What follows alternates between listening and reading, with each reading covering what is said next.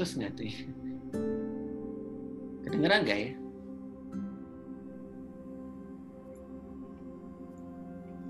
Kedengeran.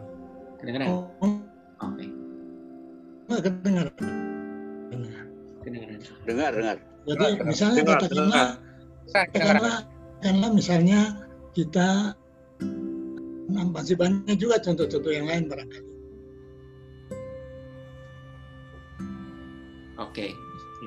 Sorry, tadi saya agak kehilangan kayaknya perkataan Pak Herman ya. Tapi memperbaharui iman intinya ya Pak ya. Ya. Oke, betul. Eh, ada lagi barangkali Bapak Ibu yang punya pendapat lain sebelum kita ke nomor selanjutnya? Eh, Pak Agus, Ya, ya. Silakan Pak. Agus, Ya, silakan Pak. saya singkatnya arti dan maksud dari berjaga-jaga di sini. Dengar, dengar. Halo, dengar ya? Dengar, dengar. Pak. Ya. Eh, ya. Yang maksud dengan berjaga dari sini ya ialah mempersiapkan jasmani dan rohani. Ah, Itu kedua-duanya terkait dengan berjaga-jaga. hmm. Kalau jasmani gimana tuh Pak maksudnya? Bagaimana? Kalau jasmani maksudnya gimana Pak? Bagaimana? Kalau jasmani maksudnya gimana tuh? Ya, jasmani ya. Kalau jasmani sehat, otomatis lebih bijak Ah, oke. dalam hal di dalam sini ya dalam hal ini ya maksud saya begitu jadi eh, intinya eh, berjaga-jaga adalah mempersiapkan diri secara jasmani dan rohani karena kita nggak tahu kapan mempelai itu datang Hmm. itu aja pak masih Ya, oke, baik. Sih. Eh, Gus, ini Gus, ini kan waktu perumpamaan ini di, di apa diceritakan kan ini kan itu namanya ada ahli Farisi, orang Taurat, terus ada orang banyak gitu ya pada waktu perumpamaan ini disebutkan. Mhm. Saya apakah ini mau mengajak dari ketiga komunitas itu bahwa ini ada yang eh, posisinya itu nggak berjaga-jaga. Kira-kira begitu nggak tuh dari ketiga komunitas itu, Gus? Jadi eh, perikop yang kita baca ini bagian dari khotbah yang panjang ya, eh, yaitu pasal 24 sampai 25 yang judulnya khotbah tentang akhir zaman. Kalau kita baca eh, pasal 24 pengantarnya 24 ayat 3 ya. Ketika Yesus duduk di atas bukit Zaitun, datanglah murid-muridnya kepadanya untuk bercakap-cakap sendirian dengan dia. Jadi murid-muridnya doang nih dengerin. Kata mereka, katakanlah kepada kami bila manakah itu akan terjadi dan apakah tanda kedatanganmu dan tanda kesudahanmu. Jadi percakapan ini sebetulnya nggak kedengeran ke orang Farisi atau orang Yahudi lain. Ini hanya kedengeran eh, di antara murid-muridnya, hanya murid-muridnya saja yang mendengarkan dia. Dan ini percakapan pribadi sekali sebetulnya. Eh, curhat ya, Yesus lagi ngasih rahasianya Eh, tentang akhir dunia itu kayak apa tentang bagaimana dia akan datang kembali ke dunia. Nah, jadi tidak ada teguran khusus bagi orang-orang non Kristen sebetulnya. ya. Teguran ini khusus bagi murid-murid Yesus, ya. bagi kita uh, yang menantikan kedatangan Dia. Uh, yang lain sih nggak diperingati, kita yang diperingati. Jadi Oh. yang bodoh maupun yang bijaksana di sini sebetulnya kenanya ke murid-murid Yesus, bukan ke orang dunia, gitu ya, bukan Bukan umum, bukan umum Nah, ya. bukan umum. Ini ke murid-muridnya Yesus. Kalian ini udah diundang pesta gitu ya. Oh iya iya iya. Ini di Udah udah bawa pelita nih gitu. Tapi Iya ya, iya iya. ceritanya diapain sama kalian gitu misalnya nih kira-kira. Iya iya iya. Hmm. Oke. Bagus. Ya, ini berjaga-jaga di sini kalau saya ini bukan berjaga-jaga di sini ini bukan berarti kita diam ya, diam Betul. tidak melakukan apa-apa ya. Ya, ya. Ya, tetapi kan dalam arti kita tetap melakukan tugas kita ya. Hmm. Ya berjaga-jaga tetapi hanya saja ya. Hmm. Karena eh, tugas kita itu bahwa kita untuk memang sudah merupakan perintah Tuhan untuk menyebarkan kasih kepada Allah, kasih kepada sesama dan untuk diri sendiri. Jadi kita tetap melakukan tugas kita dengan porsi kasih itu, Pak. Jadi kita tidak perlu diam begitu, tapi tetap melaksanakan kita. Sehingga sampai Tuhan datang pun kita tetap sudah siap dalam menjalankan. Jadi kalau saya kutip di di Matius 20 di, di ini tuh di apa tuh di Matius 24 ya ayat 46 ya. Berbahagialah hamba yang didapati tuannya melakukan tugasnya itu ketika tuannya itu datang. Jadi sampai Tuhan datang Tuhan datang ya kita tetap bersiap melakukan tugas kita.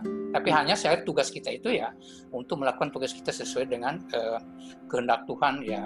Mengasihi mengasihi Tuhan mengasihi sesama dan juga untuk diri sendiri. Ya oke mungkin itu Pak yang saya bisa ya. uh, tambahkan Pak. Ya setuju. Itu bagus ya berarti uh, berjaga-jaga bukan berarti cuma sekedar apa ya ronda itu dia apa ya, diam di pos jaga itu bukan ya. Berjaga-jaga tapi aktif gitu ya. Melakukan tugas-tugas yang Tuhan berikan ya. Oke. Okay. uh, nah, nomor 10 ya. Dalam perumpamaan ini mana yang lebih penting? Mempunyai banyak minyak atau membeli minyak ya? Bisa membeli minyak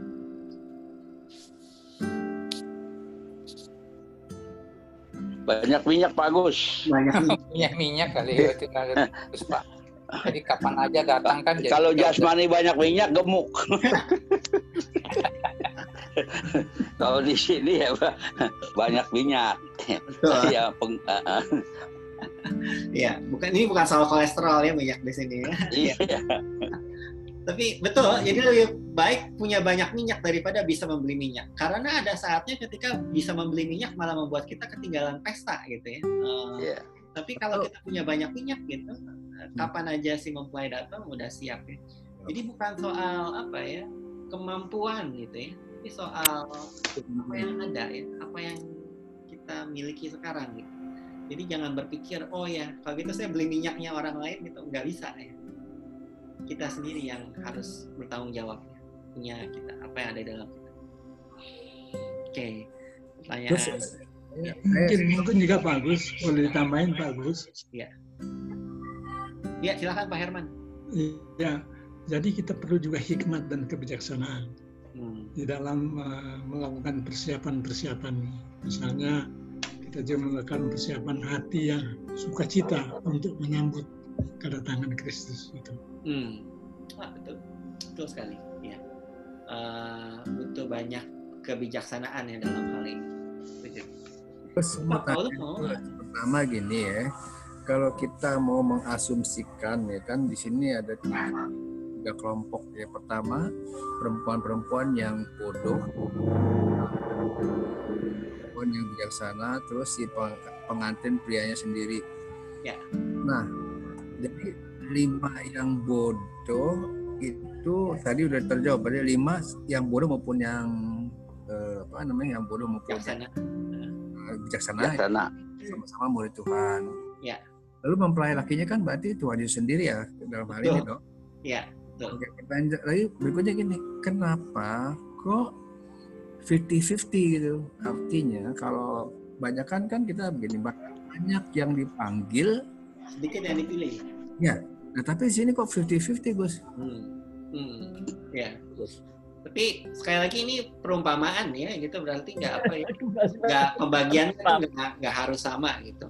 Uh, tapi barangkali Tuhan Yesus ingin mengingatkan ya, bahwa muridnya itu ada punya dua sikap gitu ya, dan dua sikap itu tersebar rata gitu, rata-ratanya sama gitu.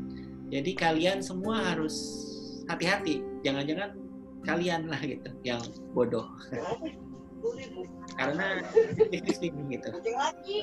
Tapi angka ini nggak nggak nggak sakit ya nggak berarti uh, harus 50-50 betul. gimana sih dia nggak mampu begitu aja loh. Nggak mampu apa? Papi papi di mute dulu papi. Di mute udah, udah saya mute udah saya mute. Oke. Okay.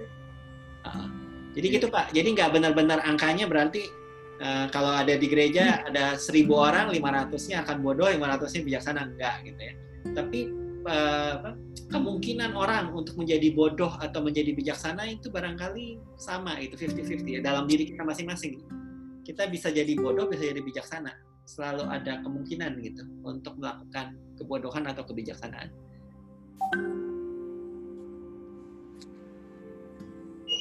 Jadi salah juga kalau misalnya kita mulai nyari itu ya di gereja, ini siapa yang bodoh, siapa yang bijaksana, jangan gitu ya. Tapi berpulang pada kita masing-masing gitu ya. Kita ini orang yang mau membeli minyak atau orang-orang yang mempunyai banyak minyak memang gitu. Kita mau berjaga-jaga atau kita mau ya cuek aja, nggak peduli gitu. Pilihannya barangkali diserahkan lagi kepada murid-muridnya. Kalian itu mau ya jadi yang mana?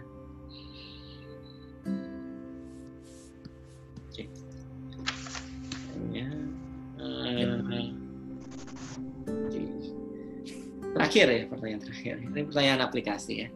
Dalam hal apa saja kita perlu bersiap ya eh, menghadapi hari atau saatnya Tuhan ya kita harus memiliki hati yang bijaksana. Hati yang bijaksana. Hati yang bijaksana gimana tuh Pak maksudnya? Ya uh, dalam arti kata hati kita jangan sampai dikuasai oleh iblis. Hmm. Akhirnya kita terbenam dengan eh, soal-soal duniawi. Hmm. Nah, oleh karena itu saya bilang tadi bahwa kita harus setiap hari memperbaharui iman kita. Hmm. Sehingga kita tidak akan tergoyahkan oleh pengaruh-pengaruh daripada si kuasa kegelapan itu. Oke. Okay. Ada lagi? Dalam hal apa kita perlu bersiap ya? Berhadapan dengan hari maupun saatnya. Uh, kalau menurut saya bagus ya. uh, bersiap-siap ini ya enggak melakukan. Kalau kita sudah mendengar perintah, cuma mendengar menyimpan, tapi tidak melakukan, percuma berarti kita nggak bersiap, hmm. menurut saya. Hmm. Kalau dia melakukan, sudah mendengar melakukan, itu sudah suatu mempersiapkan sesuatu hmm. untuk kita. Dan banyak lagi yang apa yang yang yang uh, di, di, di, di, uh, dimaksud dengan bersiap-siap di sini ya. Karena tiap pribadi orang itu sangat berbeda ya. Yeah. jadi mungkin yang lain bisa menambahkan saja pak. Iya betul di perlakuan kita ya bukan cuma apa yang diomongin apa yang ada dalam kepala ya tapi tindakan kita ya hmm, jadi tindakan kita setiap hari harus mencerminkan iman kita gitu.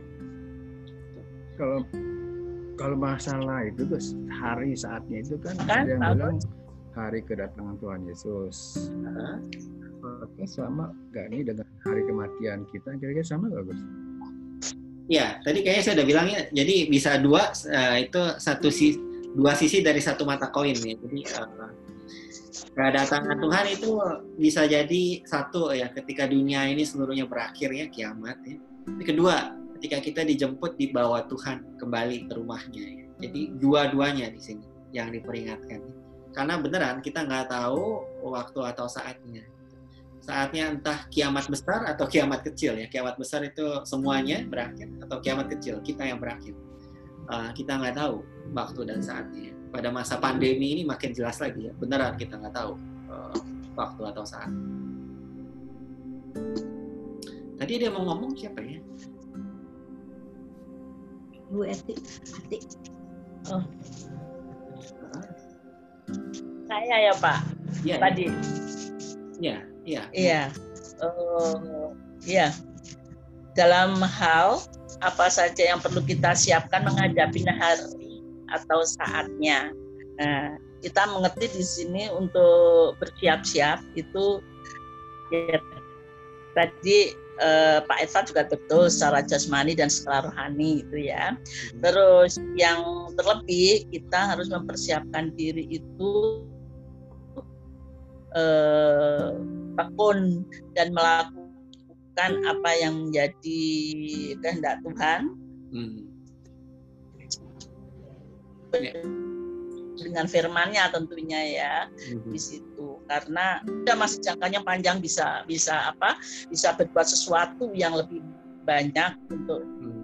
Tuhan ya yeah. tentunya yang baik. Tapi bagi yang lansia atau yang sudah lanjut usia yang ini tinggal tinggal berjaga-jaga menanti kedatangan Tuhan, kita dengan setia berbakti pada Tuhan, berdoa dan uh, membaca firman-Nya tadi dan melakukan apa yang menjadi kehendak Tuhan. Uh, melakukan apa yang menjadi uh, perintah Tuhan sesuai dengan kehendak Tuhan. Itu aja, saya yeah. itu aja, Pak Gus. Betul ya. Uh, dan waktu kita memang barangkali pendek ya kita nggak jadi muda selama lamanya ya. Akan saatnya jadi tua dan mungkin nggak bisa berlaku banyak ya, ya mumpung masih ada ya. jadi nggak seperti anak muda. Tapi mumpung masih ada waktunya ya kita berlaku ya apa yang kita bisa betul. Karena akan ada saatnya ketika memang nggak bisa lagi ngapain oh. iya. Setuju ibu. Ya. Maksudnya Bagus. lagi akan ada saatnya kita kita nggak bisa baca lagi ya, mata kita mungkin udah nggak bisa melihat lagi. Jadi mumpung masih bisa ya, harus dimanfaatkan. Betul itu bagus. Iya, tadi ada mau ngomong silakan. Iya, bagus. Ya. Ini saya sedikit mengkoreksi dari pertanyaan Pak Paulus yang Pak Agus jawab. Ya. Ada apa hari apa kiamat besar atau kiamat, kiamat kecil. Ya, ya, ya, ya, Pak, ya. Meng menghadapi hari atau saatnya, ya. Pak hmm. Paulus bilang, apakah itu saat kita dipanggil? Ya. Uh. Pak Agus menjawab seolah sebagai kain koin muka dan belakang. Ya. Uh. Nah, kalau di sini saya melihat menghadapi hari saatnya ialah kiamat besar menurut hmm. saya. Hmm. Ya. Hmm. Menurut saya uh, bersiap-siap menghadapi hari atau saatnya yang pertanyaan ini ini adalah kiamat besar. Hmm. Karena apa? Ya. ya. Karena pada pada pada zaman itu eh, pada ya, ya di Matius yang uh, menuliskan ini karena banyaknya apa murid murid-murid bukan murid ya pengikutnya yang enggak siap begitu pak ya. hmm. ya Ya. Itu aja Pak, makasih. Ya, betul sih bahwa ini sebetulnya secara garis besar tentang akhir zaman ya, seperti yang saya bilang ini ya. 24 25 sebetulnya tentang akhir zaman besar. Uh, jadi kiamat besar sebetulnya. Tapi bagi orang yang nggak sempat mengalami kiamat besar ya, seperti misalnya ya orang-orang yang hidup pada zaman Matius itu, toh pada akhirnya mereka harus berhadapan dengan kematiannya ya, dan di kematian itu mereka bertemu dengan pengadilan mereka masing-masing. Jadi uh, ya betul. Ini secara umumnya dan tema utama dari seluruh perikop ini adalah soal akhir zaman nih soal kedatangan Yesus yang kedua kali.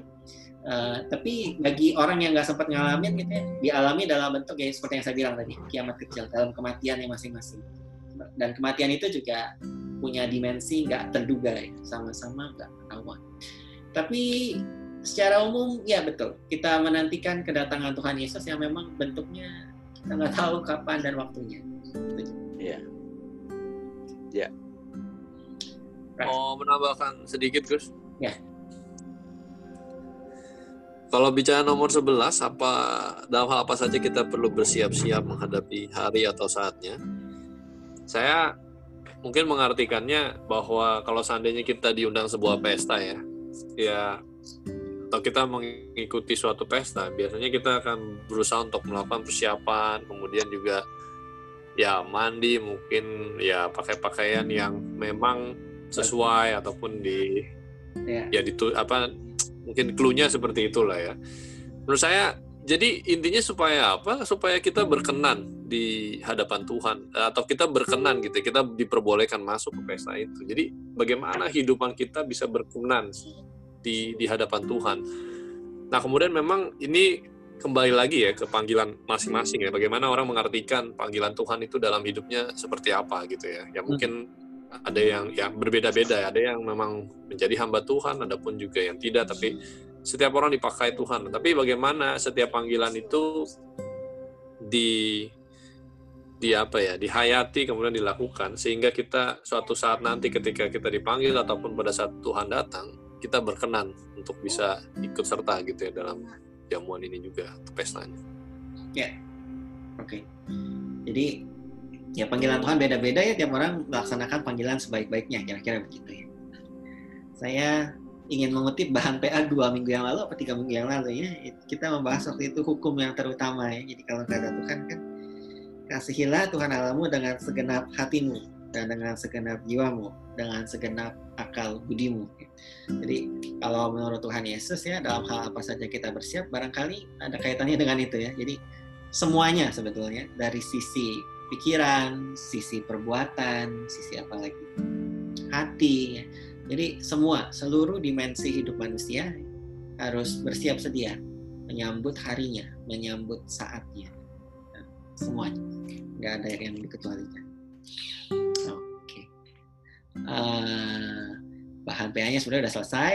Ada yang mau menanggapi lainnya sebelum ya, kita... bagus. Ya, ya Pak Juni. Silakan. Bagus, saya mau ini aja Pak untuk berjaga-jaga ini ya Pak untuk bahwa kita itu harus berjaga terhadap tipu daya dan siasat uh, iblis ya Pak ya. Hmm. Karena pada firman Tuhan bahwa saat ini adalah hari-hari jahat. Yeah. Yang ibaratkan ibaratnya singa yang mengaum siapa yang mau diterkam.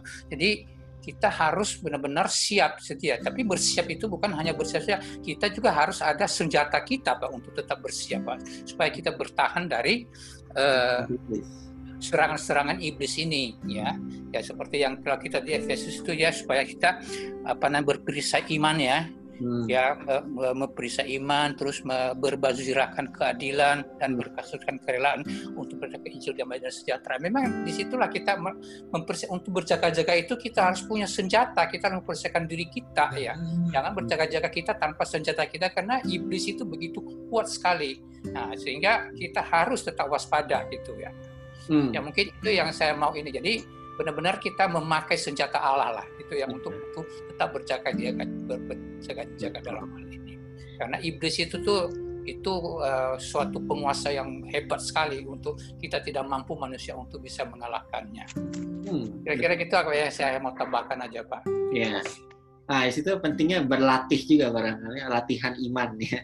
Berjaga-jaga, bersiap-siap mengenakan senjata-senjata Allah itu berarti kita perlu latihan iman uh, latihan imannya dengan cara apa? Tadi ibu apa ibu Darno udah bilang ya, melalui uh, baca kitab doa tiap hari uh, dan terus juga melakukan ya kehendak Allah ya. Um, mengambil bagian dalam pelayanan apalagi ya melaksanakan panggilan kita kata kita dia. Jadi uh, memang berjaga-jaga tidak berarti diam aja ya. Betul sekali. Kita harus menyiapkan diri berlatih dalam iman kita uh, Gus jadi melengkapi yang keterangan Pak Joni tadi berarti kita ada dua sisi nih pertama bersiap-siap menghadapi hari kedatangan hmm. yang kedua bersiap-siap juga artinya selalu selalu waspada menghadapi uh, cobaan iblis yang ah. oh dibawa ke situ ya oh bisa juga sih karena kan juga kita juga harus apa jangan lengah gitu ya terhadap tipu-tipuan dari si iblis itu yang kadang-kadang lihainya menyerupai seolah-olah suara Tuhan gitu. Hmm. bisa betul? Ya? Bisa, ya. Uh, agak belok dikit tapi berkaitan sih ya karena sih betul uh, uh, musuh besar kita ya salah satunya tentunya si iblis ya. Tapi jangan lupa juga musuh besar kita adalah diri kita sendiri, kita sendiri yang barangkali seperti kata perumpamaan ini ya tidak menyiapkan diri dengan baik ya. Jadi uh, hati-hati juga dengan apa ya, kalau kita terlena gitu ya, ah diri saya sudah baik-baik aja. Diri saya sudah mengerti Alkitab, diri saya rajin ikut PA kok. hati-hati itu uh, bisa jadi membuat kita tertidur malah tidak berjaga-jaga. Saya tanya boleh? Boleh, Pak Bambang. Ya, ya betul. Nah, ini dengan adanya perumpamaan ini, bagaimana dengan konsep keselamatan yang selama ini kita percaya? Misalnya di dalam Markus pasal 1 ayat 4 ya. Bertobatlah dan berilah dirimu dibaptis dan akan mengampuni dosamu. Ya. Nah, jadi kalau kalau dikaitkan dengan dengan tema malam ini kan seolah-olah di sini harus ada lagi berjaga-jaga gitu. Padahal kalau di sana kan dikatakan berilah dirimu dibaptis, bertobatlah. Ya. Allah akan mengampuni kamu. Gitu, gimana penjelasannya itu? Iya. Jadi kalau kita lihat tentunya itu panggilan dan undangan Yesus yang pertama ya, agar orang berpartisipasi dalam pertobatan. Uh, tapi jangan juga lupa bahwa kita uh, bertobat itu memang ada pertobatan besar di awal, tapi setiap hari kita harus selalu bertobat seperti kata Pak Herman tadi ya. Setiap hari harus membaharui iman kita. Setiap hari kita harus kembali lagi ber mengorientasikan hidup kepada Allah, kepada Tuhan. Uh, apakah itu berarti bahwa mereka yang berjaga-jaga sajalah yang selamat itu. Ini tergantung panjangnya hidup orang juga sih Pak barangkali ya. Pada mereka yang menghadapi ajalnya, tentunya bertobatlah itu dan berilah dirimu dibaptis. Tapi bagi orang-orang yang telah menjadi murid Yesus puluhan tahun, bagi gereja yang sudah menunggu 2000 tahun, nah, ada panggilan lain ya untuk selalu menata hidup sesuai kehendak Allah. Uh, jadi menurut saya jangan dipertentangkan. Kita percaya bahwa kita selamat karena iman, karena percaya, betul. Tapi kita juga dipanggil untuk setiap hari ya, menunjukkan iman dan percaya kita itu dalam berbagai segi kehidupan kita, dalam perbuatan, dalam pemikiran, dalam hati, dalam emosi kita. Jadi melengkapi itu Pak daripada dipertentangkan rasanya. Jadi melengkapi ya, saling melengkapi. Saling melengkapi uh, adalah celaka menurut saya ya kalau ada orang berpikir begini, oh saya selamat karena saya sudah bertobat ya waktu KKR 10 tahun yang lalu, maka sekarang hidup saya ya terserah saya. Gitu. Toh saya sudah selamat. Gitu. Kepada orang-orang seperti itu, maka barangkali perumpamaan gadis yang bodoh itu kena jadinya. Gitu. Mikir dirinya, ah udah diundang kok ke pesta ya, saya pasti ikut kok nanti. Gitu. Oh, hati-hati. Apakah hidupmu itu juga sudah berpadanan ya dengan kesiapanmu ikut pesta ini? Uh, jadi ada ada warning ada peringatan ya bagi setiap orang Kristen juga, bagi murid-murid Yesus. Apakah kita tiap hari mengikuti jalan Tuhan atau mengikuti jalan dunia? Apakah kita tiap hari berjaga-jaga ya, menjaga hidup kita? Uh, ataukah eh, dari sini ya? Tenang, ya. Nggak usah khawatir ya gitu pak kira-kira ya. Jadi uh, kepada orang-orang yang merasa hidupnya udah oh tenang aja saya udah mulai Yesus kok gitu. Uh, jangan salah gitu. Hati-hati juga. Bagus ya. Oke, Pak sebelum diakhiri Pak saya mau mungkin minta pendapat Pak Agus. Tadi di khotbah tadi kan saya mendengarkan mengenai kedatangan Tuhan itu disebutkan kedatangan Tuhan yang kedua kali ada juga yang saya, uh, saya dengar ya kedatangan Tuhan itu ada kedatangan Tuhan yang terakhir. Sebenarnya tuh kalau saya lihat tuh punya dua makna yang berbeda. Sebenarnya yang mana yang lebih tepat Pak itu kedatangan Tuhan? Apakah istilah kedatangan Tuhan yang kedua kali atau kedatangan Tuhan yang terakhir Pak? Terima kasih Pak Gus. Oke, itu jawabannya panjang ya Pak ya, tergantung bagaimana kita menafsir kitab Wahyu itu ya. Ada yang bilang Yesus akan datang kedua kali terus datang lagi sekali lagi. Uh, jangan lari ke situ dulu ya itu biar nanti kapan-kapan kalau kita baca wahyu gitu. Enggak, tadi kebenaran tadi kan saya dengar di khotbah tadi itu kedatangan uh, Yesus yeah. itu pada akhir zaman dia disebutkan kedatangan kedua kali. Sementara saya juga mendengar khotbah yang lain juga kedatangan dia tidak memakai istilah kedatangan dua kali tapi dia pakai kedatangan Tuhan yang terakhir uh, yang yang ya, yang terakhir. Hmm. Jadi kan kalau kedua itu kan berarti ada suatu kesan bahwa ada yang ketiga kali keempat kali gitu. Nah, terus nah. ada deh kalau yang terakhir berarti tidak ada yang kedua kali tidak ada yang ketiga kali dan seterusnya. Hanya saya minta pendapatnya kalau memang agak panjang boleh nggak apa-apa. Nanti kapan-kapan nggak masalah. Nah, ya, itu... hanya karena saya tadi mendengar karena ada memakai istilah itu. Tapi kalau menurut saya tidak sama maknanya gitu. Tidak sama. Terima kasih Pak Agus. Ya. Jadi dulu ya. kalau ada orang yang bilang kedatangan Tuhan Yesus yang terakhir, kemungkinan itu karena dia menganut paham teologi yang agak beda ya. Itu paham premil namanya, yaitu sebelum kerajaan seribu tahun. Uh, itu debat yang agak panjang ya biasanya. Ya. boleh Pak Gus gak apa-apa. Nanti kapan ada waktu kapan-kapan ya kita ngomongin ya. Yang percaya nggak karena dengar tadi soalnya maka makanya bingung saya mana sebenarnya ini yang ini. Tapi ya. kalau di disimak sebenarnya punya pemahaman yang berbeda jauh. Betul memang berbeda. Karena uh, ya seperti yang saya bilang tadi itu paham teologis yang namanya premilenialisme ya. Uh, itu berdasarkan tafsir yang sangat apa ya sangat harafiah terhadap isi kitab uh, Wahyu. Uh, Uh, ini paham yang biasanya dipegang oleh orang-orang dari gereja baptis ataupun gereja-gereja Pentakosta ya, karismatik ya. Karena mereka menafsir Alkitab begitu literal, uh, harfiah sekali. Uh, tapi kalau di GKI biasanya kita sih nggak percaya premil ya, nggak percaya premileniarisme namanya itu paham tentang akhir zaman yang agak berbeda dari apa yang kita pegang. Jadi kalau di GKI biasanya kita ngomong kedatangan Yesus yang kedua kali, kita nggak ngomong kedatangan Yesus yang terakhir kali karena itu akan menimbulkan ya seperti yang Bapak bilang betul ya pemahaman yang beda karena dalam premil itu kedatangan Yesus nggak cuma yang kali kedua ada kali ketiganya gitu. Oke, makasih bagus nggak apa-apa Pak nggak apa-apa Pak. Nggak apa-apa ya nanti kawan-kapan kita. Ya ya oke oke bagus oke bagus. Pemahaman kita gitu. Iya. Jadi kalau kita ketemu dengan orang-orang Kristen lainnya gitu kita bisa tahu oh dia itu berasal dari pemikiran yang begitu tuh karena itu nanti tafsir dia tentang akhir zaman beda lagi dengan apa yang biasanya kita dengar gitu.